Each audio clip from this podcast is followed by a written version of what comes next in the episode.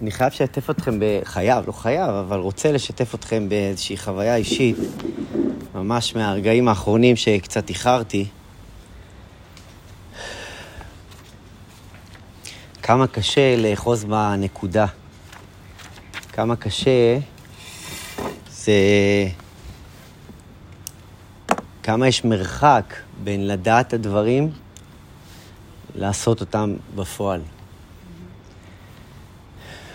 כי, כי אתה בונה לך איזשהו מסלול מסוים, ביום, ב, ב, אני יודע, בלו"ז שלך, ומה לעשות, הקדוש ברוך הוא, יש לו את הלו"ז שלו.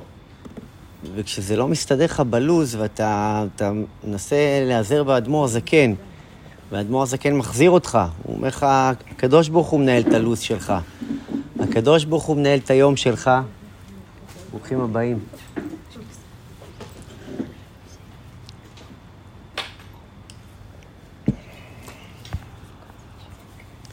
וצריך להתעלות מעל הטבע, מעל הטבע שלך.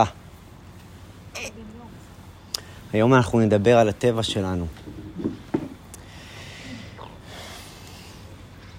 אוקיי, אז נתחיל. לחיים לחיים.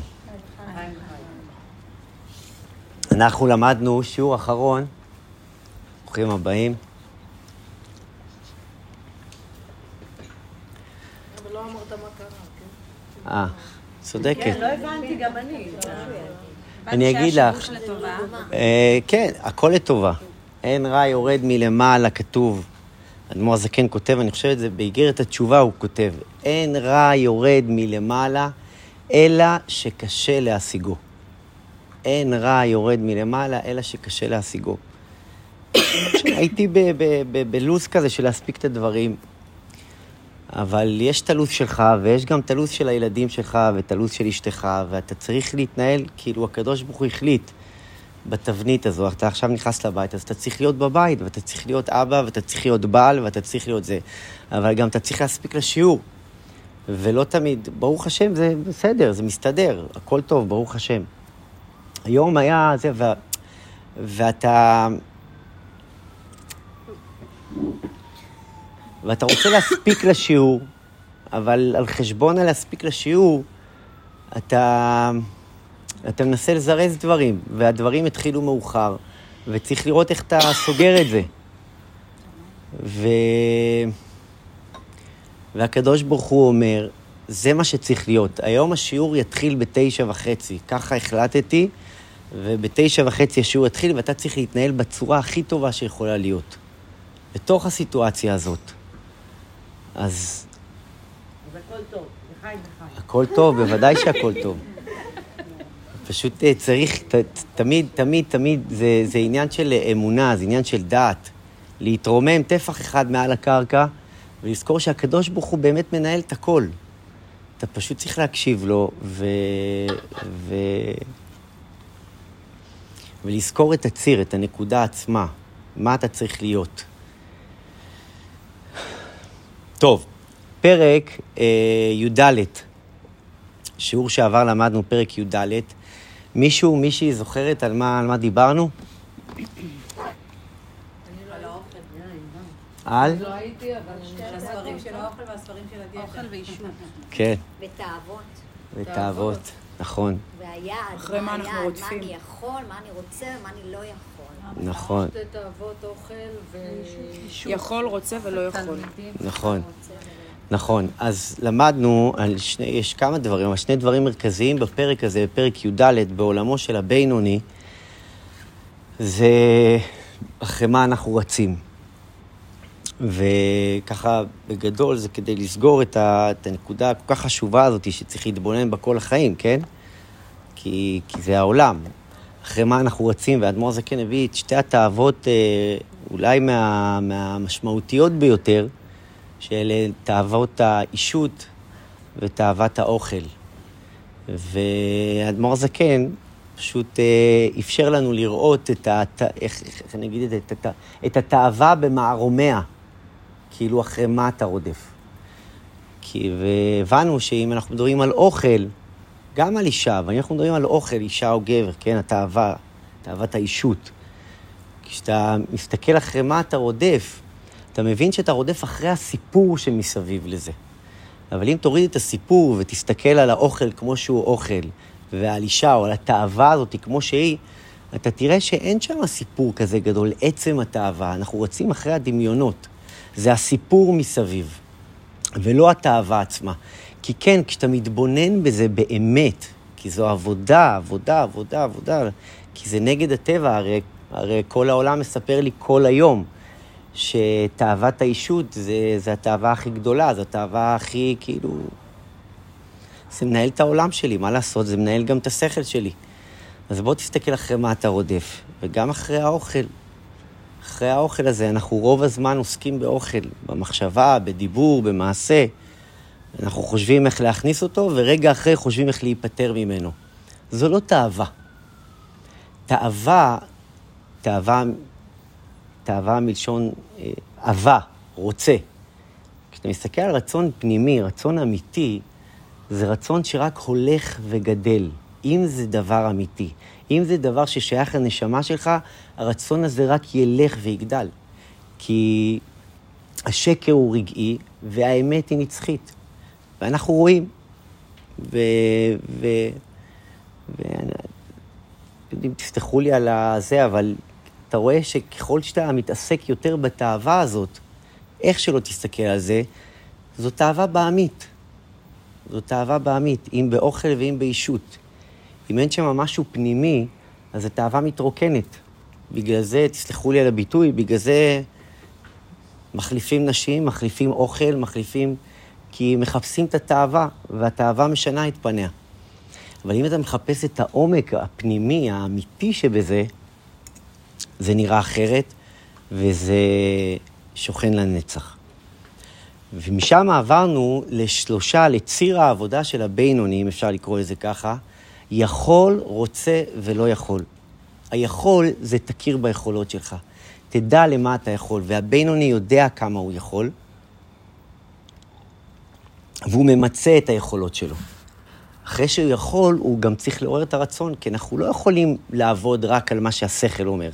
השכל אומנם שליט על הלב, גם על זה למדנו, את זה למדנו, ועוד נלמד הרבה, אבל גם צריך לעורר את הרצון שלי, את נקודת, הנקודה הפנימית של הרצון שלי. אתם יודעים שבקבלה כתוב שהכתר, כתר הכתרים, זה הרצון והתענוג. כי זה מה שמוביל את, את היקום כולו, הרצון והתענוג. למה? כי כתוב בקבלה שאלה כוחות מקיפים, כוחות כלליים. הרצון הוא דבר שמתפשט בכל הגוף. הרי כשאני רוצה עכשיו לשתות מים, כל האיברים, כל הגוף יתגייס לתוך אותו, לתוך אותו רצון. התענוג, אותו דבר, התענוג הוא תענוג שמתפשט לי בכל הגוף. זה הכוחות המקיפים. זה כוח מקיף וכללי שכל כך משמעותי וכל כך חזק, שאם רק נברר אותו ונכוון אותו למקום הנכון, אז באמת, אה, איך אמר מי שאמר, אם תרצו אין זו אגדה, אם נכוון את זה לרצון הפנימי, האמיתי, אז באמת שום דבר לא יהיה אגדה בעינינו. אז האדמו"ר הזקן מביט שם אל הנפש האלוקית שלנו ואומר שהנפש האלוקית שזה אני, זה לא איזה מישהו שאני צריך להיות, או מישהו ש... הנפש האלוקית זה הזהות הפנימית שלי, זה הדבר שהכי קרוב לזהות האלוקית שלי, והזהות הזו רוצה בקרבת השם, רוצה בקרבת אלוקים. והקרבה הזו, כשאדם מבין שכשהוא חוטא, חוטא מלשון מחטיא, כשהוא עושה את העבירה, העבירה הזאת מנתקת אותו. זאת אומרת, אדמו"ר זקן, אדם לא רוצה, לא רוצה לחטוא. כן, תאמינו או לא, אדם בעצם פנימיותו הוא לא רוצה לחטוא. לראיה, כשאנחנו חוטאים, אנחנו מרגישים רע עם זה. עוד לא קם, רבי, רבי לוי יצחק מברדיצ'ו אמר, עוד לא קם הבן אדם שעשה עבירה וברך עליה שהחיינו. כי זה, כי זה עבירה. עבירה גם מרגישה לי רע. אנחנו מרגישים את זה רע. זה יכול לבוא לי בכל מיני לבושים, שזה בגלל זה או בגלל זה, אבל האדמו"ר הזקן, כמו בכל הספר התניא, הוא מביט ל, לרצון הפנימי.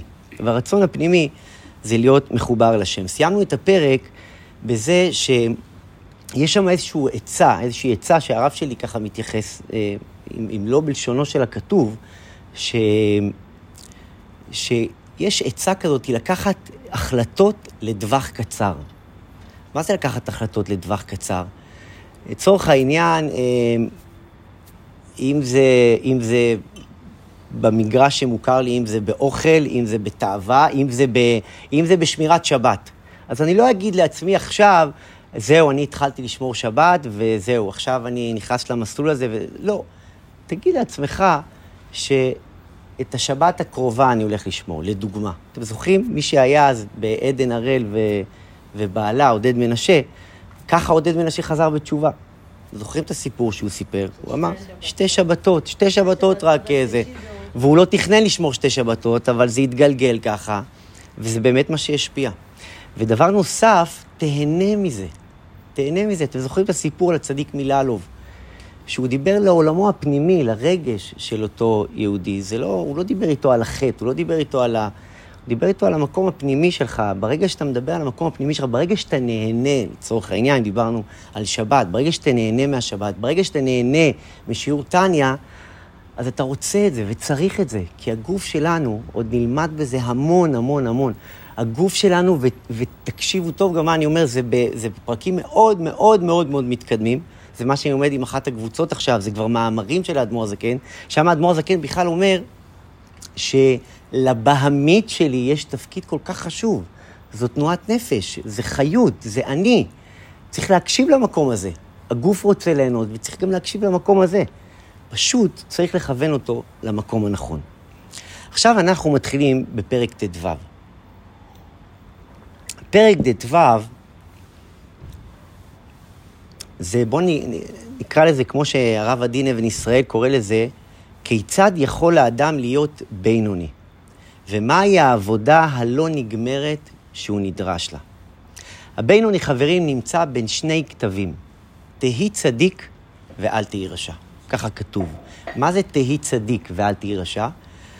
הוא נמצא במנעד מימין ושמאל. מימין זה תהי צדיק. מה זה תהי צדיק? לשאוף תמיד לטפס עוד ועוד ועוד. הוא תמיד בעבודה. לטפס תמיד עוד מעלה ועוד מעלה. תהי צדיק. גם אם אתה לא יכול להיות, אתה תמיד מטפס עוד ועוד ועוד ועוד. אתה לא, אתה, חלילה, אנחנו גם אמרנו את זה, הבינוני לא מחפש כורסה נוחה, כי הכורסה הנוחה, כשאנחנו יושבים על הכורסה, אנחנו משמינים. כתוב, שמנת עבית כסית, זה, זה, זה סכנה. אגב, אנחנו גם יודעים את זה במובן היומיומי. כשאני יושב על הכורסה, והכורסה נוחה, קשה לי לקום ממנה. קשה לי לקום ממנה, תרתי משמע. גם אם האישה קוראת לי, גם אם הילד קורא לי, גם אם אני צריך לקום לעבודה, כשהמיטה נוחה, קשה לקום ממנה. הבינוני לא מחפש מיטה נוחה, ובטח לא כורסה נוחה, הבינוני מחפש את מקומו. המקום שלו, המקום שלו בחיים האלה, מצד אחד, הוא תמיד שואף להיות הצדיק, מצד שני, אל תהי רשע. הוא יודע גם מה התחתית שאליה בשום פנים ואופן הוא לא יגיע אליה. בשום פנים, הוא יודע שאלה הגדרות ששמה בכל מצב, גם במצב שהוא ב... אני לא מכיר את זה בעולמו, אבל בעולם שלנו, כי בכולנו יש את הבחינה של הבינוני. גם כשאני בדיכאון, חס ושלום, או גם כשאין לי מצב רוח, אגב, זוכרים שפעם אמרנו, מצב רוח זה מצב הרוח שלך, הרוחניות שלך. כי המצב שלי נקבע על פי הרוחניות שלי, זה המצב רוח. אז מצד אחד הוא שואף להיות צדיק, מצד שני הוא לא מרשה לעצמו ליפול לזרועות הרשע. אני ראיתי הסבר מאוד מאוד יפה לצדיק, רשע ובינוני, שצדיק זה, זה הוא במקום שסולד מהרע, הוא מואס ברע. הרשע, הרשע, אתם זוכרים את אותו פרק מטלטל שלמדנו על הרשע? הרשע הוא כנוע לרע, הוא מתמסר אליו, הוא נכנע. זה אני. אתם מכירים את הרגע הזה שאתה אומר לעצמך, אין, לא יכולה יותר. זה המצב, ו- ואני שחררתי. אז אגב, אני שחררתי, זה לא בעולמו של הבינוני. כי כשאתה משחרר, הראשון שסובל מזה זה אתה. אז הוא לא כנוע, אלא הבינוני. מה זה הבינוני? הבינוני נלחם. הבינוני עובד, וגם, כן, הוא מאופק. כי גם באיפוק הזה יש עבודה. וגם על זה דיברנו. עכשיו, פרק ט"ו, האדמו"ר הזקן נכנס אלינו לחיים של הבינוני. איפה הוא נמצא, איך הוא, איך הוא מתנהל במטוטלת הזו, מצד אחד לשאוף קדימה, מצד שני לא ליפול אל התחתית. תקשיבו טוב, פרק, ט"ו. ובזה יובן מה שכתוב, ושבתם וראיתם, בין צדיק לרשע, בין עובד אלוקים לאשר לא עבדו. שימו לב ללשון. בין צדיק לרשע, בין עובד אלוקים לאשר לא עבדו. שתי אה. פירושים אפשר לפרש. מה זאת אומרת? נגיד? בבקשה. לא? אני שאלתי אותך. כן, לא... לא כן, בוא נראה. בוא נראה. הוא מדבר על הבינוני, נכון? כן. אז הוא אומר, כאילו אפשר לפרש את זה על אותו, זה כאילו בין צדיק לרשע, והצדיק זה עובד אלו, אלוקים, והרשע זה לא, כאילו בן לו. אבל אם מדברים על, הצ... על הבינוני, אז הפירוש לא כל כך נכון, כי כמו שיש צדיק ורשע, אוקיי, זה מצד אחד. יש עובד אלוקים ולא עובד אלוקים, אבל, אבל הוא לא יכול להיות לא עובד אלוקים בכלל, כי הוא בינוני. אז יכול להיות שיש משהו אחר שכאילו, אחד שעובד נגיד, זה עבודה, הוא עושה את העבודה, נכון? כי הוא בינוני, הוא עושה עבודה. ואחד שאם הוא לא עושה עבודה והוא בינוני, אולי, אולי, לא יודעת, אולי קל לו, לא יודעת, אולי קל לו, בא לו בקלות, ואז הוא לא צריך לעשות את העבודה הזאתי שזה שעובד אלוהים עושה. כאילו, שניהם בינונים, כן. זהו, אז זה כאילו, ש... או, שני או, סוגים, את אומרת. לא, או ש... או שאתה, או שזה אתה עושה כאילו, עבודה. או הצדיק, וזה שעובד את הזה, זה על אותו לבל, והרשע, וזה שלא עובד את אלוהים, זה נגיד משהו אחד. או לפי מה שאנחנו לומדים בתניא, אז יש בינוני, נכון? אז לבינוני יש, הוא מתחלק נגיד לשתיים, לאחד שעובד את אלוהים, ואחד שלא עובד. אבל הוא כן עובד, כי הוא בינוני, הוא לא רשע. אז אם הוא כן עובד, אז יכול להיות שהוא יכול...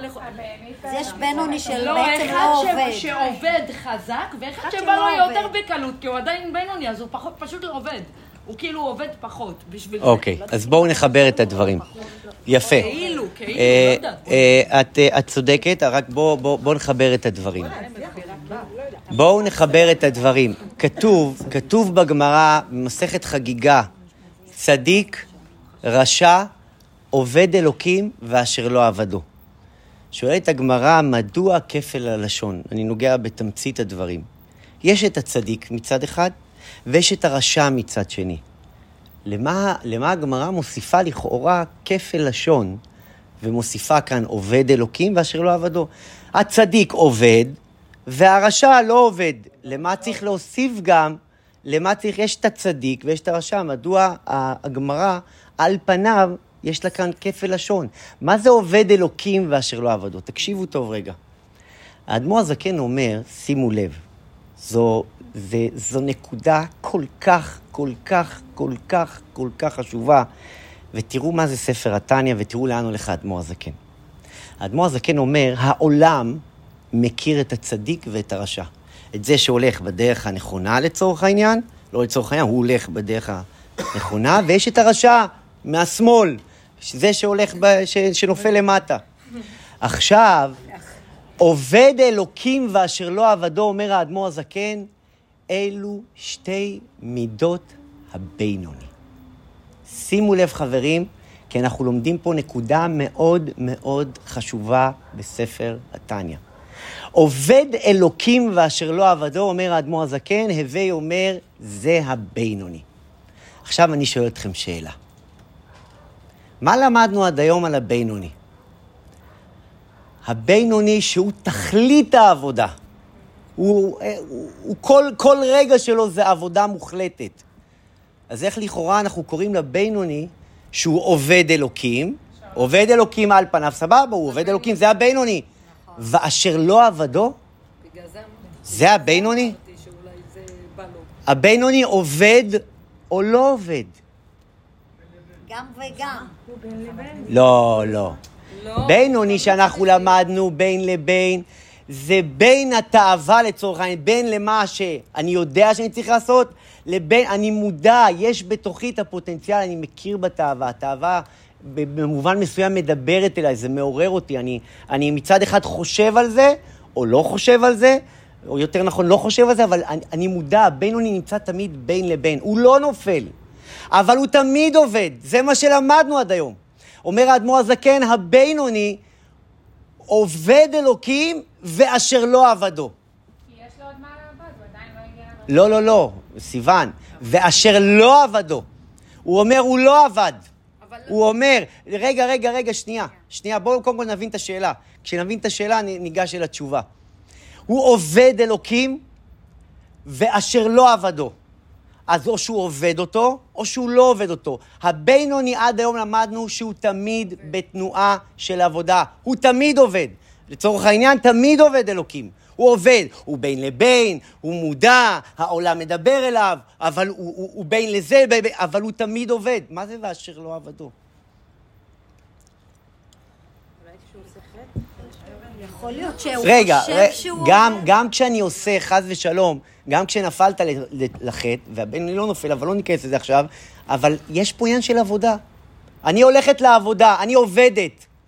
אני עובדת, הבינוני תמיד עובד. מה זה ואשר לא עבדו? מה, איפה... כאלה שצריכים שהוא לעבוד יותר על אותו דבר, לא. ויש כאלה שצריכים לעבוד פחות על אותו דבר.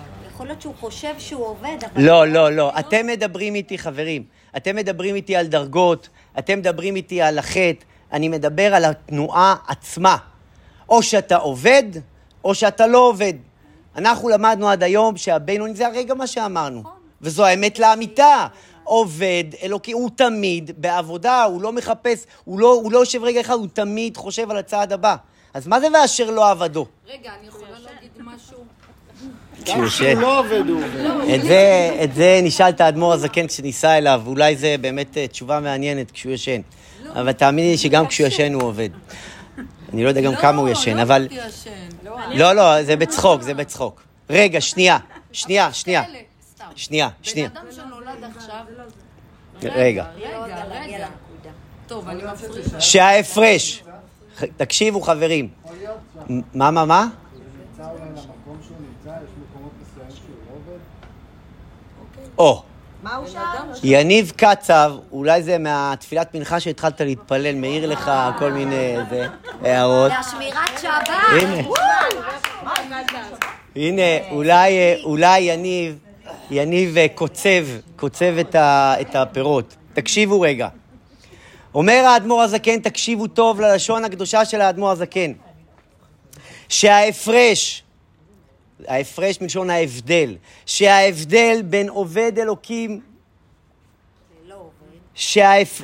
בין עובד אלוקים, שההפרש בין עובד אלוקים לצדיק הוא שעובד הוא לשון הווה, שהוא באמצע העבודה, שהיא המלחמה עם היצר הרע להתגבר עליו ולגרשו מהעיר הקטנה, שלא יתלבש באיברי הגוף, שהוא באמת עבודה ועמל גדול להילחם בו תמיד, והיינו, הבינוני. אבל הצדיק נקרא עבד השם, בשם התואר, כמו שם חכם או מלך, שכבר נעשה חכם או מלך. כך זה כבר עבד, עבד וגמר לגמרי עבודת המלחמה עם הרע, עד כי ויגרשנו וילך לו וליבו חלל בקרבו. רגע, תקשיבו, שנייה, יפה, שנייה, שנייה, שנייה. בואו נבחין, תראו, זה, זה, זה שלב אחרי שלב. שלב הראשון, האדמו"ר הזקן מבדיל בין הבינוני לצדיק. הבינוני הוא עבד השם, עבד. מה ההבדל בין עבד לעובד? עובד זה כרגע. עובד זה מלשון הווה, הוא עובד עכשיו. עבד, קורא לזה אדמו"ר זקן, שם התואר. זאת אומרת שהוא כבר קנה לו את התואר. אני עבד, אני עבד שלך, אני שייך אליך, אני כבר שמה, ליבי חלל בקרבי. הוא כבר באזור הזה, הוא סולד מהעולם, העולם לא מדבר עליו, הוא כבר, הוא כבר יצא מהעולם שאני ואתם נמצאים בו. לעומת זאת, הבינוני הוא עובד. הוא עובד מלשון הווה, הוא עובד, הוא כל הזמן נמצא בבין לבין, הוא כל הזמן נמצא בעולם שפחות או יותר אנחנו נמצאים, הוא עובד מלשון הווה. עכשיו אומר האדמו"ר הזקן, ובבינוני יש גם כן שתי מדרגות, עובד אלוקים ואשר לא עבדו, ואף על פי כן אינו רשע. מה הוא אומר? אומר האדמו"ר הזקן, שאלה אומר האדמו"ר הזקן, אני רוצה לקרוא את לשונו, ואף על פי כן אינו רשע, כי לא, ש... כי לא עבר מימיו שום עבירה קלה, וגם קיים כל המצוות שאפשר לקיימן. ותלמוד תורה כנה כולם, ולא פסיק פומה מגירסה, אומר האדמו"ר הזקן. שהבינוני שלא נפל, שלא חטא, שכל היום יושב ולומד תורה, שכל היום הולך להצהיר והוא לא נפל אפילו פעם אחת, אממה, אממה, תקשיבו טוב ללשון. אלא, אומר האדמו"ר הזקן, שאינו עושה שום מלחמה עם היצר הרע לנצחו. על ידי אור השם המאיר על נפשו האלוקית שבמוח השליט על הלב. למה? תקשיבו טוב. מפני שאין יצרו עומד לנגדו כלל לבטלו מתורתו ועבודתו, ואין צריך ללחום עמו כלל. נולד לזה. רגע, הוא נולד לזה, אבל בואו נדבר על מה, מה, מה, איפה זה פה. מי שלא נולד לזה? הוא. עובד. אומר האדמו"ר הזקן, רגע, רגע, רגע, זה לא נולד לזה, זה לא נולד לזה, זה לא... רגע, עכשיו, עכשיו אני מדבר. שנייה. בואו רגע נבנה את הנקודה. אני בכוונה אפשרתי רגע כ- כ- כ- כדי לגרד קצת את השכל שלנו, שגם אנחנו נחשוב, עכשיו בואו ניתן בעזרת השם לאדמו"ר הזקן לדבר. האדמו"ר הזקן אומר, שימו לב, בעבודה יש שתי עבודות.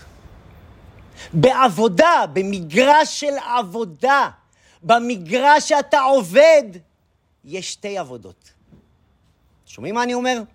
במגרש העבודה יש שתי עבודות. העבודה הראשונה היא עבודה שנקראת עבודה בטבע שלך. ועבודה שנייה היא עבודה שהיא נגד הטבע שלך. אני אסביר, שנייה רגע, שנייה, שנייה. אני יכול לספר לכם סיפור אישי שלי. לפני בערך שנתיים, שלוש, הרגשתי שאתם יודעים, אני יושב, לומד, וברוך השם, מוסיף, ולומד את זה, ולומד את זה, ולומד גמרא, ולומד טניה, ועושה עוד שיעור, ועוד קבוצה, ועוד זה, ועוד זה. ומצאתי את עצמי במקום כזה או אחר, בעבודת המידות, לא יודע, בעבודה, בבית, בזה, שוואלה, אני נכשל פה ושם. ו... ובתוך תוכי, כאילו, שאלתי את עצמי, רגע, אני יושב ולומד תורה. אני, אני מוסיף ולומד, ועל פניו, בעבודת המידות, הרי בסופו של דבר אנחנו רוצים להיות גם בני אדם, בשביל זה אנחנו לומדים. אני רואה את עצמי כאילו שאני, שאני לא מוצא את עצמי. כאילו, אני לא מוצא כאילו עבודה פנימית, אני מוצא את עצמי נכשל פעם אחרי פעם. ואני זוכר שדיברתי עם הרב שלי, ואמרתי לו, הרב, תשמע, אני, אני, אני יושב ולומד, ואני עושה ככה וככה, והנה, היה לי מקרה פה עם האישה שהתנהגתי לא כמו שהתניא אומר, ופה עם הילדים לא כמו שהתניא אומר. אז הוא אמר לי, שחר, תקשיב, וזו הפעם הראשונה שבכלל שמעתי את זה. הוא אמר לי, תשמע, זה שהתאוות שלך, האהבות שלך, הרצונות שלך, זה לשבת וללמוד תורה, זה מצוין. אבל אין שם עבודה. שימו לב. זה שאתה יושב ולומד תורה, מצוין. הקדוש ברוך הוא רוצה שתשב ותלמד תורה. אבל איפה העבודה שלך? לעשות דבר שאתה אוהב, לא בשביל זה באת לעולם. שימו לב. המלחמה שלנו היא ליצור הרגלים טובים. האדמו"ר הזקן אומר, מרגע שהמלחמה נהפכה להרגל, ש- סליחה, מרגע שנוצר ההרגל וההרגל נהפך לאוטומט, זו סכנה. אתה צריך לעשות דברים שהם גם נגד הטבע שלך. לצורך העניין, אם אני נותן את הדוגמה שאני התחלתי, הדוגמה האישית שלי, כשאתה יושב ולומד תורה ואתה מרגיש מוגן, הנה אני עושה את מה שאני רוצה, הנה אני עושה את מה שהקדוש ברוך הוא רוצה לעשות, רוצה ממני שאני אעשה. אבל מה קורה אם האישה עכשיו מרימה, מצלצלת אליך ואומרת לך, תשמע, צריכה אותך בבית. אני צריכה שתפסיק ללמוד, כמו היום, לא, לא שזה קרה היום, אבל היום הייתי צריך לתמרן בין כמה דברים. מה קורה אז? איך אתה מתנהג שם? ואתם יודעים מה הקדוש ברוך הוא באמת רוצה? לראות אותי שם. לראות אותי במקום שאני נלחם בטבע שלי. כי הטבע שלך, גם תנועה חיובית, תקשיבו טוב, וזו מהפכה, גם תנועה חיובית, מרגע שהיא הופכת להיות האוטומט שלך, אתה מפסיק להתפתח. אתה חייב מדרגה נוספת. מרגע שהתרגלת לתת עשרה שקלים צדקה, והעשרה שקלים האלה בשבילך זה היה עולם ומלואו, אתה צריך לחשוב על השקל האחת עשרה. פעם שאל גביר, גביר זה עשיר גדול, פעם שאל גביר את הרבי מלובביץ', מה שיעור צדקה? יודעים, שאל את הרבי, לא, לא סתם... אה, מה, מה, מה הצדקה הכי נעלית? אז הרבי אמר לו, צדקה מתחילה כשקשה לך. שימו לב, גם כשאתה בתנועה טובה, אתה צריך לחשוב איך אתה משתדרג את זה. איך אתה מעלה את זה. כל פעם, גם כשאתה פועל פעולה... עכשיו, למה זה נורא נורא נורא חשוב? למה? כי מרגע שאני מתחילה, גם אם זו תנועה חיובית, מרגע שאני נעצרת שמה, זהו, נגמרת העבודה. וכשנגמרת העבודה, איך אמרנו על הספה? מתחיל להיות נוח לי. וכשמתחיל להיות נוח לי, זו סכנה. אומר האדמו"ר הזקן, הבינוני, גם במגרש העבודה שלו, צריך לשים לב באיזה עבודה הוא נמצא. עבודה שפועלת עם הטבע שלו, או עבודה שפועלת נגד הטבע שלו. יש סיפור בחסידות על הרב יעקב אורנשטיין, זה צדיק גדול, שחיבר ספר מאוד גדול שנקרא ישועות יעקב. אז הוא היה מסמיך רבנים, תקשיבו טוב, הוא היה מסמיך רבנים ל, ל, להסמכה, שיהיו רבנים, כמו הוראה. ופעם אחת הגיע לו איזה מישהו למבחני הוראה, והוא שלח אותו לבן שלו. אמר לבן שלו, תבחן אותו על המבחן כזה וכזה. ו... ואז uh, הבן שלו חזר ואמר לו, אבא, הוא עוד לא סיים את כל המבחנים, uh, יש בשלב, הוא בשלב כזה שהוא עוד, uh, יש עוד כמה מבחנים שהוא צריך לעבור. אז אבא שלו אמר לו, תסמיך אותו מהר, כך הוא אמר לו, תסמיך אותו מהר, אחרת הוא יהפוך לכומר. תסמיך אותו מהר לרבנות, אחרת הוא יהפוך לכומר. הוא אמר לו, האהבה שלו ללימוד זה בטבע שלו. הוא אוהב ללמוד. הוא יכול ללמוד את זה, הוא גם יכול ללמוד דברים אחרים. תכוון אותו. אתם מבינים על איזה עבודה פנימית מדובר כאן? גם כשאני עובדת בציר ובכיוון וביעד שלי, אני כל הזמן צריכה לשאול את עצמי, האם אני עושה עבודה? אני לא אשכח את היום הזה שהרב שלי אמר לי. הוא אמר לי, שחר, ברגע שזה הפך להיות ההרגל שלך, אתה חייב לעלות קדימה. אתה חייב להוסיף. למה? כי מרגע שזה, הגעת ל... זה, זהו, זה, זה כבר...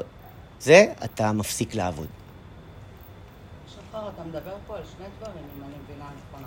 מה? או אולי אני לא מבינה נכונה. דבר אחד, זה להמשיך להתקדם בעבודה שאני עושה. כן. אוקיי? אם אני ממשילה את זה במשהו מאוד פשוט, אוקיי? אני מאוד טובה במתמטיקה, סיימת את כיתה ג' במתמטיקה, תעברי לכיתה ד', אל תשארי בג', אל תנוחי. זה דבר אחד. דבר שני, את מאוד טובה במתמטיקה, אל תשכחי ללמוד גם אנגלית. זה דבר, זה כאילו שני צירים שונים שאתה מדבר עליהם. לא, לא, אז אני, אני אחדד. פעם שאלו את האדמו"ר הזקן, דיברנו על זה ביום חמישי, בסוף הזה, בהתוועדות, במיני התוועדות שנשארה לנו, שפעם שאלו, אני חושב שזה היה את האדמו"ר הזקן, שאלו, לו עניין, שאלו אותו מה עניינה של חסידות, והוא אמר להם, לשבר את טבע מידותיו של האדם. אני ואת ירדנו לעולם לשבר את הטבע שלנו. לשבר? לשבר, כן. מלשון מלשון לשבור. אתם יודעים שאברהם אבינו, אני אתן לכם דוגמה מצוינת. אברהם אבינו, האיש העברי הראשון שהפך את כל העולם כולו, שהוא עמד בעשר ניסיונות. איזה ניסיונות הוא לא עבר? גירוש מהארץ, לך לך מארצך, ניסיון רעב, עם הגר הישמעאלית, מה הוא לא עבר בחיים? כבשן האש, מה הוא לא עבר? ובניסיון האחרון, שהוא היה ניסיון של עקדת יצחק, אמר לו הקדוש ברוך הוא, אתה ידעתי כי ירא אלוקים אתה. ככה אמר לו הקדוש ברוך הוא. עכשיו, בניסיון העשירי, אני יודע שאתה ירא אלוקים. שואלים המפרשים, מה, וכל התשע ניסיונות האלה שהוא עבר עד עכשיו, הוא לא ירא אלוקים? הוא לא עשה דברים גדולים? אלא שאומרת תורת החסידות, בניסיון העשירי, הרי אברהם אבינו, הטבע שלו, הספירה שלו הייתה ספירת החסד, הוא היה איש החסד. ובעקדת יצחק הוא היה חייב לשבור את טבע מידותיו. לשבור את הטבע שלו, לשבור את הרגילות שלו. אתם יודעים מה הדבר הכי קשה שיש לנו בעולם? הרגלים.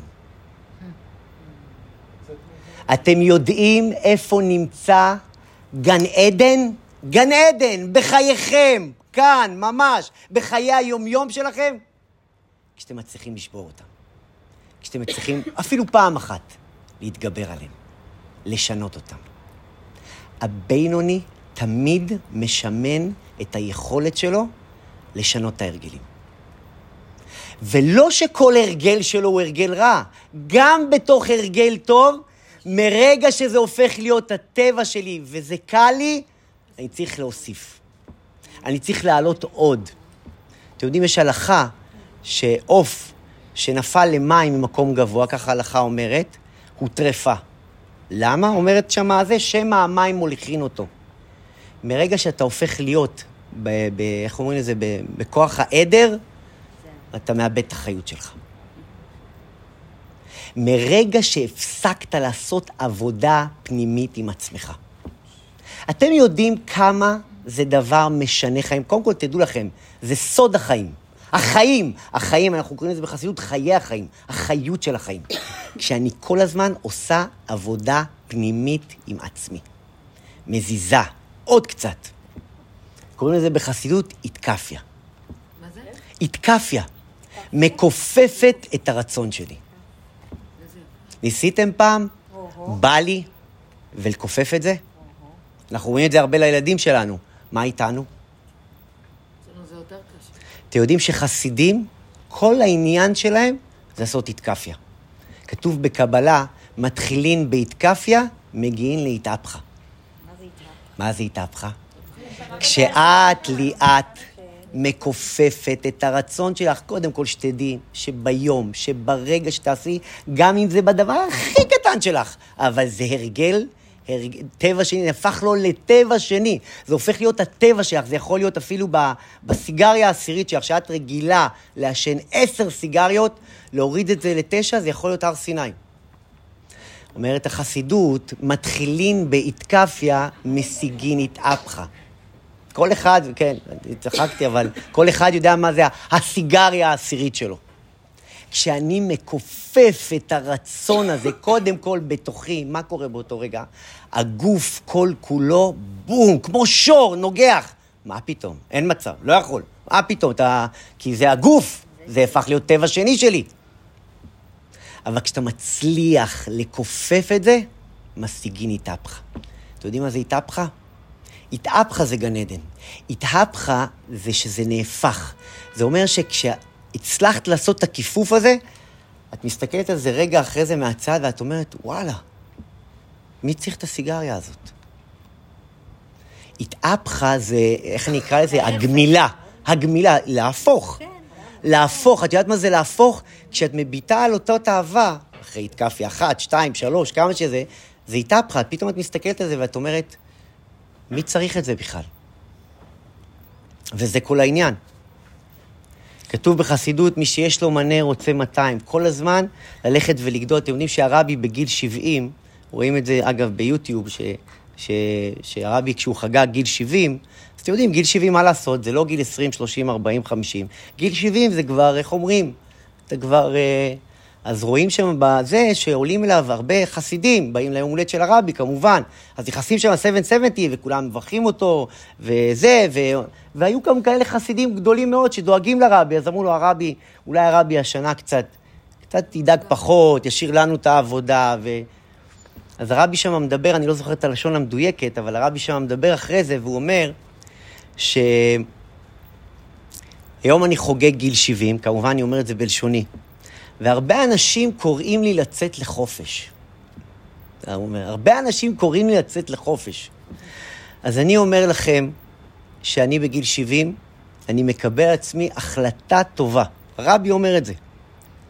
אני הולך בשנה הזאת, בשנת ה-70 שלי, להקים 71 בתי חב"ד. מי מצטרף אליי? הרבי, בגיל 70. כך הוא אומר על הבמה. כל האנשים שקוראים לצאת לחופש, תודה על הדאגה. ואני אומר לכם שהשנה הזו אני מקבל החלטה טובה להקים 71 בתי חב"ד. מי מצטרף אליי? אז קודם כל רואים שם אחד החסידים, אתם לא מכירים, אבל חסידי חב"ד יודעים מי זה הרב שלמה קונין. הוא מיד נעמד ואומר, הרבה, אני מקבל לעצמי עשר, אה, להקים עשר מוסדות חב"ד. עכשיו, מוסדות חב"ד, אתם יודעים, זה לא רק בית כנסת לעשר מוסדות חב"ד. הרב שלמה קונין, אגב, זה, יש ספר עליו, זה חסיד. אתם יודעים כמה מוסדות חב"ד הוא הקים בחייו? וואו, זה, זה, זה... זה תנועה, אגב, זה תנועה של חסיד. אין דבר כזה, אוקיי. אין דבר כזה בכלל מילה נחלה, הגענו, הצלחנו. אתה תמיד חושב עוד ועוד ועוד. וזה לא התאווה שאתה רוצה עוד, אתה אוחז בקדושה, אתה אוחז בנתיב הנכון. אני חושב שסיפרתי לכם פעם על הרב עדין אבן ישראל, חתן פרס ישראל, שפעם אחת הוא היה בזה, והוא היה בכל כך הרבה פרויקטים, מה הוא לא עשה, מה הוא לא פירש, ו... ופעם אחת ביקש ממנו משרד החינוך לעשות איזשהו פרויקט מאוד מאוד גדול עם הנוער בבתי הספר, והוא מאוד מאוד רצה את הפרויקט, כי החינוך היה בדמו. והוא לא יכל, הוא, הוא לא יכל, כאילו, גם אם הוא ישן שעתיים, והוא באמת כמעט ולא ישן, הוא לא ידע מה לעשות. אז הוא כתב לרבי, מה עליי לעשות, ואם אני אקח, הוא כתב לרבי, אם אני אקח את הפרויקט החשוב הזה של משרד החינוך, לטפל בנוער שצריך לעודד אותו לחינוך טוב, על מה אני אוותר מאחד מהפרויקטים? אז הרבי כתב אולי במשפט אחד או שניים, לא ראיתי את המכתב, אבל ככה אומרים שהרבי כתב לו, ימשיך עם הפרויקטים שלו וייקח גם את הפרויקט הזה. שם הוא נתן משל, הוא נתן, אומרים משל, שזה כמו, אה, שכחתי את זה, זה גם בפיזיקה. כשגובר הלחץ, החלל מתרחב. ש... אתם מכירים את זה, זה, זה, אני אומר את זה בלשוני. זה כמו פח. כשהפח מלא, מה אנחנו עושים אין לנו כוח לשפוך אותו, ויש עוד השפעה? דוחסים אותו. דוחסים, ואיך פתאום יש מקום? אז דוחסים. תדעו לכם, אני, אני, אני, אני, אני, ברוך השם, זכיתי, זוכה, להיות מוקף בחסידים כאלה, וזו תנועה שתמיד הולך ומוסיף, הולך ומוסיף, תמיד, אף פעם לא עוצר, תמיד הולך ומוסיף. אתם יודעים איזה כוח אין סופי זה? אתם יודעים מה זה עושה לחיים שלנו? תמיד להוסיף. תמיד הולך ומוסיף. האדמו"ר הזקן כאן קורא את זה בשם, בהמשך הפרק, הוא קורא לזה, ובזה יובן, אני קורא את הציטוט, מה שכתוב, דעובד אלוקים, היינו ששונה פרקו מאה פעמים ומאה פעמים ואחד. מאה פעמים ואחד, אומר האדמו"ר הזקן, זה עובד אלוקים. מאה פעמים זה, זה אשר לא עבדו. מישהו יכול להגיד לי מה ההבדל בין מאה פעמים למאה ואחד פעמים? אומר האדמו"ר הזקן, תקשיבו טוב, זה שעובד מאה פעמים, הוא לא עבדו. זה שעובד מאה ואחד, שהוסיף עוד פעם אחת, זה עובד אלוקים. שינה. שינוי. הגמרא, הגמרא, תקשיבו, הגמרא, הגמרא מביאה דוגמה, תקשיבו טוב, על נהגי החמרים. מה זה נהגי החמרים? אני אגיד את זה בלשוננו, המוניות טקסי. כמה עולה מונית לצורך העניין, נגיד אה, מונית שירות, בסדר? אני אומר את זה כמובן בלשוני. מונית שירות מתל אביב לירושלים. אתם מכירים המוניות שירות, כמו הקווי שירות האלה. כמה עולה? 30 שקל, 40 שקל. נגיד ולצורך העניין אני לוקח את המונית הזאת, והמונית הזאת, כמה, כמה, כמה קילומטרים יש בין תל אביב לירושלים? 30, 40, 50, אני לא יודע כמה. אז הוא לוקח לי את הסכום X הזה, 30 שקלים לצורך העניין. אם אני אגיד לאותו נהג, מהתחנה הזאת שאתה מוריד את כולנו, תיקח אותי עוד קילומטר אחד, לא שלושים, תיקח אותי קילומטר אחד, ספיישל עד הבית שלי. כמה נראה לכם הוא ייקח על הקילומטר הזה? לפחות עוד 30? אבל איך יכול להיות?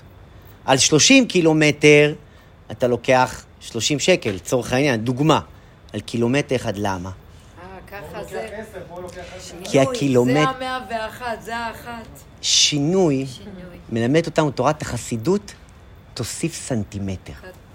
סנטימטר, סנטימטר, סנטימטר ממה שאתה רגיל, בסנטימטר הזה אתה עושה את העבודה של הבינוני. תחשבו כל דבר.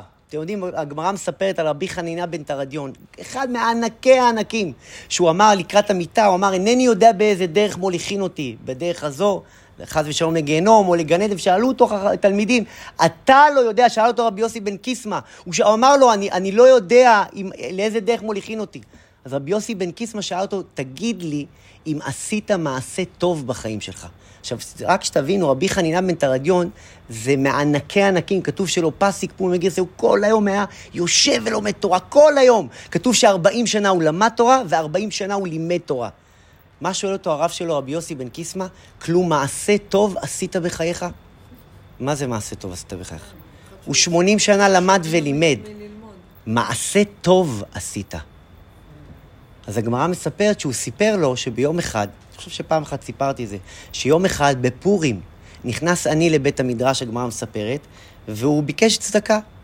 אז רבי חנינה הכניס את היד לכיס, והוא הרגיש, אתם יודעים, אני אומר את זה בלשוני, הוא הרגיש שיש כמה שקלים. אז הוא בא להוציא שקל אחד מכל השקלים, והוא דחף את היד בחזרה, והוציא את כל מה שיש לו בכיס ונתן לעני. אמר לו רבי יוסי בקיסמא, אשריך שזכית לעולם הבא. מה הוא עשה? שדחף את הכיס והוציא עוד יותר ממה ש... כן. מה הוא עשה? שינה. הוא המחשבה שינה. את ה- מחשבה באותו רגע. באותו רגע הוא רצה מחשבה יותר טובה. שיבר את טבע הרגילות שלו. בן אדם שכל החיים שלו למד ולימד תורה. איפה אתה, איפה, מה הקדוש ברוך הוא רוצה לראות? איפה אתה בדיוק מתקדם? איפה אתה עושה עבודה פנימית? אתם מבינים מה שאני אומר? אתם מתחברים למה שאני אומר? זה בעצם כוח התנגדות, שחר? קודם כל, ההתנגדות, אגב, גם ב... אני יודע מה, ב- במכון כושר. מכון כושר, כשהשריר מפסיק להתפתח, מה עושים? מוסיפים משקל, למה? כדי להגדיל את ההתנגדות. חד משמעית. עבודה פנימית זו עבודה שהיא נגד הטבע והרגילות שלנו. אומר לך האדמו"ר הזקן, גם הבינוני, גם הוא צריך לבחון את עצמו. האם אני עושה עבודה פנימית עם עצמי? האם אני עושה יותר מהרגילות שלי? כי גם לפתוח את הבית, אני נותן את זה כדוגמה, כן? אבל אני מדבר על כל אחד. גם אם אני פותחת את הבית ו- ועושה כאן שיעור תנא לכולם, שזה מעשה נעלה שאין כדוגמתו. זה לא נגמר שם. כי מרגע שעשית את השיעור הזה, את צריכה לחשוב איך את משפרת את השיעור. איך את מוסיפה בשיעור. איך את דואגת שעוד מישהו יפתח שיעור כזה. פעם, פעם אני זוכר נימי אמר לי, תגיד לי, האדמו"ר הזקן, אין אצלו כאילו סבבה. לא אשכח פעם אחת, הוא אמר לי, תגיד לי, אצל האדמו"ר הזקן, אין דבר כזה סבבה. כאילו, אין דבר כזה... אנחנו מחפשים את הסבבה, כל הכבוד. סבבה, כל הכבוד, הלאה. יש איזה סרטון שמראים איזה גביר שבא, אומר לרבי בטור של הדולרים, הרבי, שתדע לך שתרמתי למוסדות חנה, מוסדות אה, זה, תרמתי מיליון דולר. אז הרבי אמר לו, אז הגיע הזמן עכשיו לתרום שניים. תמיד, תמיד, תמיד, תמיד הולך ומוסיף. כי הסכנה הכי גדולה זה להישאר איפה שאני. תמיד, גם בתנועה טובה, זו שאלה יסודית שאני צריך, צריכה לשאול את עצמי כל יום. איזה עבודה פנימית עשיתי עם עצמי היום? איפה שיברתי את הטבע שלי? כי תדעו לכם, הרי מה, מה הדבר הענק שמלמד אותנו הבינוני? כל פעם, כל פעם, אפילו בדבר כזה קטן, אפילו, זה נראה לנו קטן, אבל זה מאוד קשה. אפילו בדבר קטן, אם זה בסיגריה, אם זה בקפה, אם זה בתאווה הקטנה הזו, בתאווה הקטנה הזו. אם אני משברת, אם אני עושה איתקפיה, אם אני עושה ומוסיפה יותר מהרגילות שלי, פתאום אני מתחילה, קודם כל, אני מתעוררת בחיים, אני מעירה את העבודה, ואז אני מתרגלת את כל הכוחות הפנימיים שלי לעבוד נגד הטבע שלי. כי איפה אנחנו נופל- נופלים? איפה אנחנו נשברים? איפה אנחנו מתאכזבים? איפה אנחנו צועקים? כשבעלי מפריע לי, מאתגר את הטבע שלי. כשאשתי, כשהילד שלי, וכל העניין שלנו זה הטבע, זה הרגילות. כשמשהו מפריע לרגילות שלי, לטבע שלי, שמה אני נופלת. הבינוני תמיד מחפש איפה העבודה ברגילות שלי. גם כשאני בתנועה של עבודה, גם בתנועה, מרגע שזה הפך להיות האוטומט, אני מוסיפה. אז כאילו אתה פחות מוערך. מה זאת אומרת פחות מוערך? מבחינת ה- חס ושלום. לא, לא, לא, לא, לא. לא, אותו לא, לא, לא. הר- העניין הוא להתקדם. אנחנו לא באים לגזור את החוט. אנחנו לא באים ל... ל, ל זה, אנחנו באים לצמוח ולהתקדם. הרי את יודעת, גם בעסק שלך, אם את לא תתקדמי ותתפתחי, זהו, זה כאילו, העולם תמיד מתקדם. אנחנו יודעים את זה. ברור. אגב, אגב, אם אני אקח את כל מה שאמרתי עכשיו לעולם העסקים, פתאום זה יישמע לנו הרבה יותר הגיוני. בעסקים, אם אתה לא מתחדש, אתה לא זה. בעסקים, אם אתה לא מפתיע, אתה לא זה. על אחת כמה וכמה, להבדיל, אלף אלפי הבדלות, בעבודה הפנימית שלי, איפה אני עובדת מול הטבע שלי. איפה אני עושה משהו שהוא מכופף את הרצון שלי. אתם יודעים איזה כלי עבודה חשוב, וכל כך חשוב הכלי הזה? עכשיו אומר האדמו"ר הזקן, רצית לשאול משהו? כן, אני בבקשה. לא רוצה להפריע, כי אני היום מפריעה יותר מדי. הכל בסדר. אז אני אומרת... את לא מפריעה, את תורמת. לא, אני, אני, אולי אני מפריעה. אני אומרת, אם, אם אה, בעצם דיברנו על העובד, זה, עובד אלוקים ואשר לא עבדו. בדיוק. אז כל, מי שבעצם אה, נשאר במקום, כביכול, זה אשר לא עבדו, נכון? אז אם זה ככה, הוא לא פחות מוערך מזה שעובד. קודם כל, אני אגיד לך משהו. כאילו במרכאות. לא, לא, לא. מבחינת... לא, לא. כן. אה, אני אגיד לך, אני אגיד לך, קודם כל, זה לא, אני אני לא שם את. הדגש פה. בוא- נדבר. לא, אבל אני אגיד לך משהו, אני אגיד לך משהו, אני אגיד לך, אני אגיד לך, אני אגיד לך, אני אגיד לך, ענבל, אני אגיד לך, אני אגיד לך, תקשיבי. אם אני ואת, נגיד, אה, אה, עושים מעשה טוב, או עושים אה, מידה טובה, והצלחנו ל- ל- ל- להגיע לאיזושהי דרגה מסוימת, ואנחנו עוצרים שם, וזה נעצר שם, לא. סיכויים גבוהים שאת חוזרת אחורה, שתחזרי אחורה. כל דבר, אם אני לא מתקדם ועושה עבודה עם עצמי, זה חוזר אחורה. זה לא, אז, והנקודה כאן היא גם לא גם הערכה. האדמו"ר הזקן רוצה שלא תיפלי, ואם את לא עושה עבודה, חבר'ה, גוף, מערכת צריך לשמן, אוטו צריך לשמן, גוף, מה זה גוף? גוף אתה צריך להזיז אותו כל הזמן, גוף צריך לרוץ, מה זאת אומרת? אבל הנה רצתי, רצתי היום 20 קילו, שנייה רגע, רצתי היום 20 קילומטר, שברתי את השיא, זהו, אני יכול לרוץ 20 קילומטר בחמש דקות בזה. כמה, כמה השיא הזה יחזיק, תראו, זו דוגמה שמאוד קרובה ל... אה, כולם פה נסכים, אבל השיא הזה, השיא של היום הוא, הוא עוד יום, יומיים, חודש, חודשיים, הוא כבר נחלת העבר. לא, לא, לא מבחינת השיא. הגוף, אם הוא לא מקבל תוספת, ואם הוא לא מקבל זה, הוא נרדם, ולא רק שהוא נרדם, הוא חוזר אחורה. זה לא רק שאתה לא מתקדם, אתה חוזר אחורה. אם אין עבודה פנימית נמשכת, פנימית, שימו לב למה זה דבר כל כך כל כך חשוב. כי אתה יכול להיות במגרש של, של אשר לא עבדו. מה זה אשר לא עבדו? אתה בינוני. אתה הולך שלוש תפילות ביום, אתה עושה את מה שצריך לעשות, אתה אפילו, אתה עושה את כל מה שכתוב בשולחן ערוך, הלכה למעשה. כל מה שכתוב אתה עושה. וואו. מחיאות כפיים, איפה העבודה הפנימית שלך? מה יהיה כשהקדוש ברוך הוא ישלח לך ניסיון שהוא נגד הטבע שלך? מה יהיה? מה יהיה אם פתאום תצא מבית המדרש, אני נותן את זה בעולם המונחים של יראת שמיים, אבל מה יהיה כשאתה תצא? הרי, הרי כשהכול טוב, וכשאני בא בדבר שטוב לי, ואני, ואני עושה את זה וטוב לי, אז הכל טוב. וגם אם אני עושה מעשה טוב, אז זה נגמר שם? מה קורה כשאתה יוצא מהמקום הזה? וזה החיים. הנוחות. עכשיו, חברים, לקראת סיום, בעשר דקות האחרונות שנשארו לנו, תקשיבו טוב. הולך איתנו האדמו"ר הזקן לאיך עושים את זה. תקשיבו טוב. איך עושים את זה?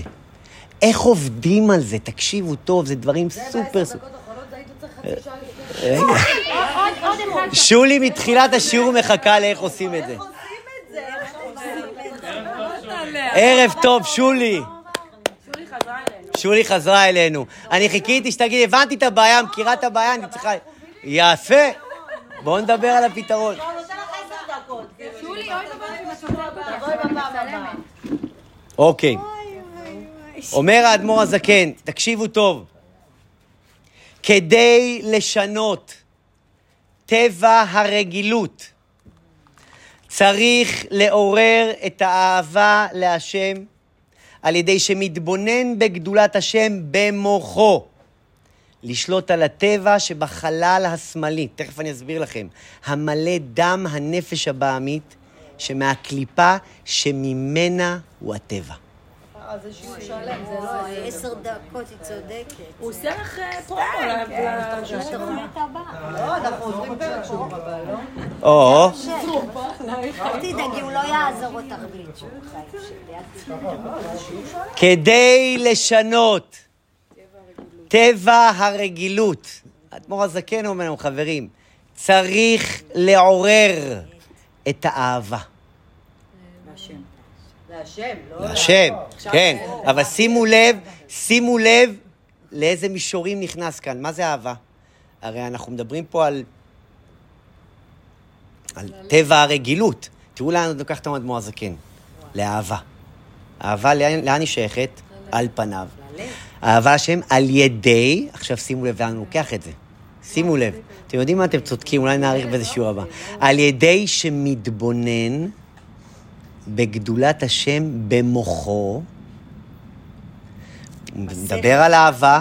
הוא הולך אל המוח לשלוט על הטבע שבחלל השמאלי שבלב, המלא דם. כמה, אתם לא מבינים מה, מה, מה הוא אומר לנו פה. הבהמית. בסדר, המלא דם. קודם כל, את צריכה להיות בשיעורים, נכון. כן, נכון. המלא דם הנפש הבעמית שמהקליפה, שממנה הוא הטבע. אה, משם הוא הטבע. תחזור. וואו. המלא דם. המלא דם הנפש הבעמית שמהקליפה, שממנה הוא הטבע. אני לא יודע אם זה שיעור, אבל זה בהחלט... אה, הוא שלם. לגמרי. כן. וכבר נגמרו העשר דקות. לא, עוד קצת. לא. המשפט הזה בהחלט עשר דקות, אבל זה לא משפט, זה הכלי שאיתו חותם את האדמו"ר הזקן את הפרק. איפה נולד הטבע? הוא אומר, מה הוא כותב? שמהקליפה שממנה מגיע הטבע. אומר האדמו"ר הזקן, איפה נולד טבע? איפה נולד ההרגל? ממה? מה, מה מחזיק את ההרגל? אדמו"ר הזקן, זה אמיתי, אמיתי, אני קראתי את זה בכמה ספרים. זה טיפול פסיכולוגי אמיתי.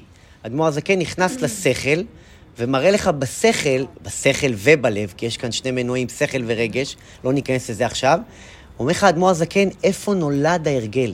מה מחזיק אותי שם? והולך האדמו"ר הזקן למקום הזה, ואומר לך, בוא נטפל במקום הזה. בוא נלך לבעיה. בוא נלך לשורש. ואת השורש, בשורש נעבוד, כי שם נמצאת הבעיה. ואתם יודעים מה? זה מטורף. כי אשכרה, כשאתה קולט איפה הבעיה, ואתה פשוט, איך אומרים, אתה מזיז את הכפתור מעוף לאון, או מפה לשם, מימין לשמאל, אתה רואה פתאום זה נראה אחרת. בואו נסכם את השיעור. בינוני, חברים. גם הבינוני, גם זה שזה הבינוני צריך לשים לב טוב, טוב, טוב. גם כשאתה יושב בבית מדרש, וגם כשהחיים טובים, וגם כשאתה אתה לוקח את הילדים לגן בזמן, אתה מביא עבודה, אתה מביא כסף הביתה, אתה מחייך לאישה, הילדים בסדר, הבעל בסדר, הכל בסדר. אומר לך האדמו"ר הזקן, איפה העבודה הפנימית שלך? אין דבר כזה. כל יום אתה צריך לחפש איפה אני היום עשיתי עבודה פנימית. אין דבר כזה נחלה. אין דבר כזה, אין דבר כזה. עכשיו, אה, ברור שאין עכשיו נחים, אבל תמיד הולך ומוסיף. והחסידות מחדשת, ועוד אפשר להתבונן ולהעריך בזה המון. מילימטר תוסיף. אני יכול להגיד לכם בחוויה האישית שלי, אין לי כל כך הרבה דוגמאות כרגע בעניין הזה. יש, יש חסידים יודעים, של, אני אתן לכם את זה כדוגמה בחוויה האישית שלי. אני כל יום לפני שאני הולך לישון, אני יודע שתמיד יש לי עוד משהו ללמוד. אבל אני מגיע באמת לקצה של העייפות. לקצה, לקצה. כאילו שאני כבר זהו, מתעלף. ואני אומר באותה נשימה, אני יודע, אני יודע, גם זכיתי פעמים בודדות לעשות את זה. אני יודע שבאותו רגע שאני מרגיש שהגעתי למ... כאילו למקסימום עייפות שלי, אני יודע שאם אני נכנס, אגב, זה הכלי האחרון, שאם אני נכנס רגע לראש שלי ואני אומר, שחר, אל תלך ותשב ותכין את השיעור של מחר. אבל לך רגע לספרייה, קח את הספר, תקרא משפט אחד. זה המאה ואחד. אחד, בול. אחד.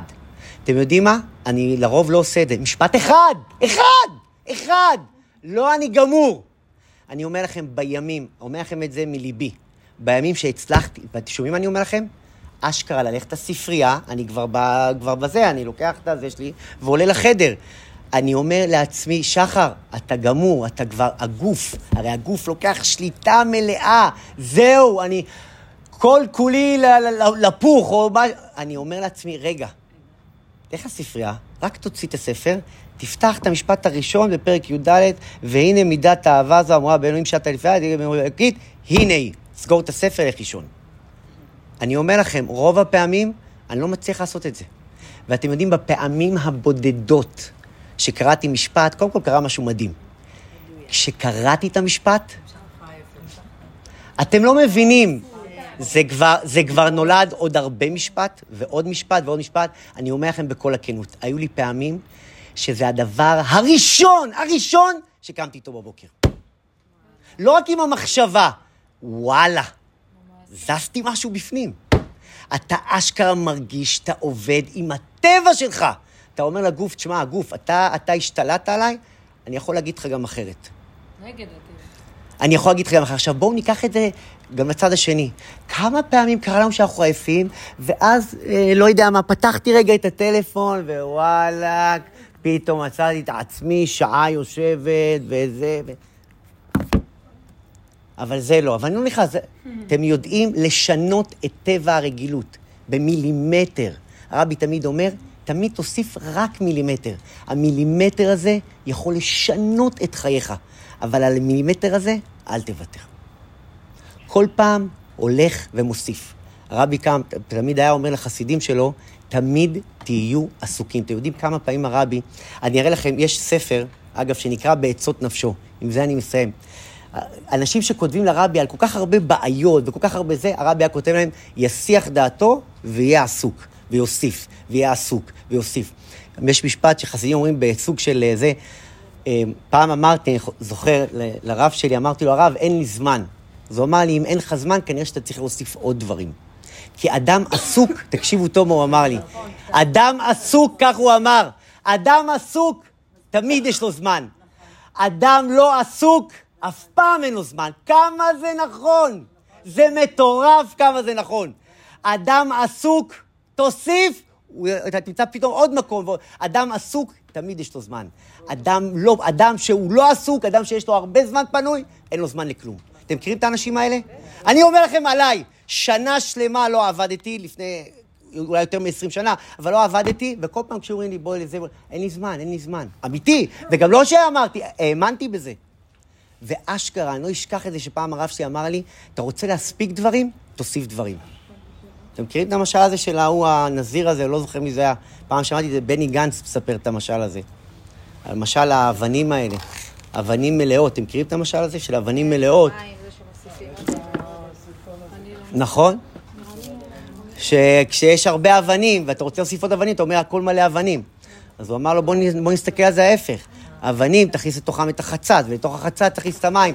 כשיש, כשהיום שלי מורכב מדברים גדולים וחשובים, כל שאר הדברים הקטנים מתנקזים ביניהם.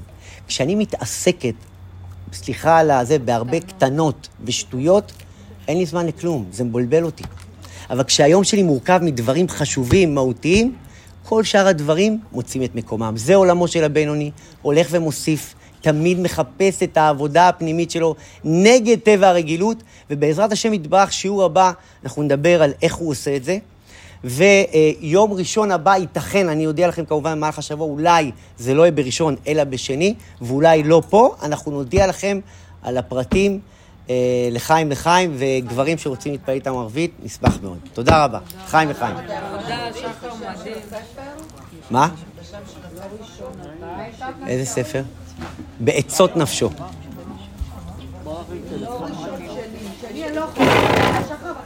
היום ממש הפרעתי.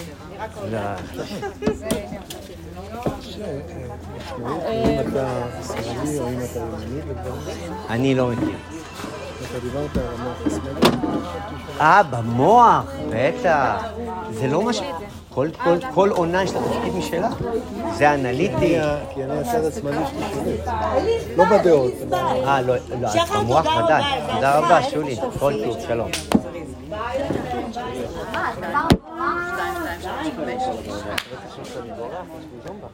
לא, כפרה, אתה בינוני, אחי, צריך לעבוד. הולך ומוסיף. יאללה, תקשיב. תודה רבה, צצנת. מה נשמע?